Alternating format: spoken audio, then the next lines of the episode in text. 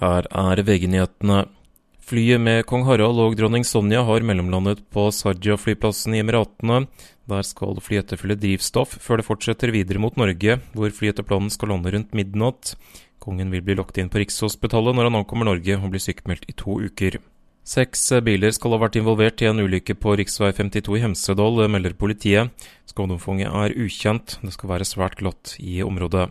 Den israelske hæren har åpnet undersøkelser etter et angrep mot en matkø på Gazastripen. Over 100 palestinere skal ha blitt drept mens de desperat ventet på nødhjelp i Gaza.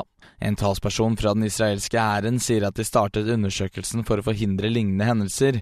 IDF har avvist at køen ble angrepet, og hevder at de fleste omkomne ble trampet i hjel i panikken som oppsto. Reporter Knut Peder Gransæter.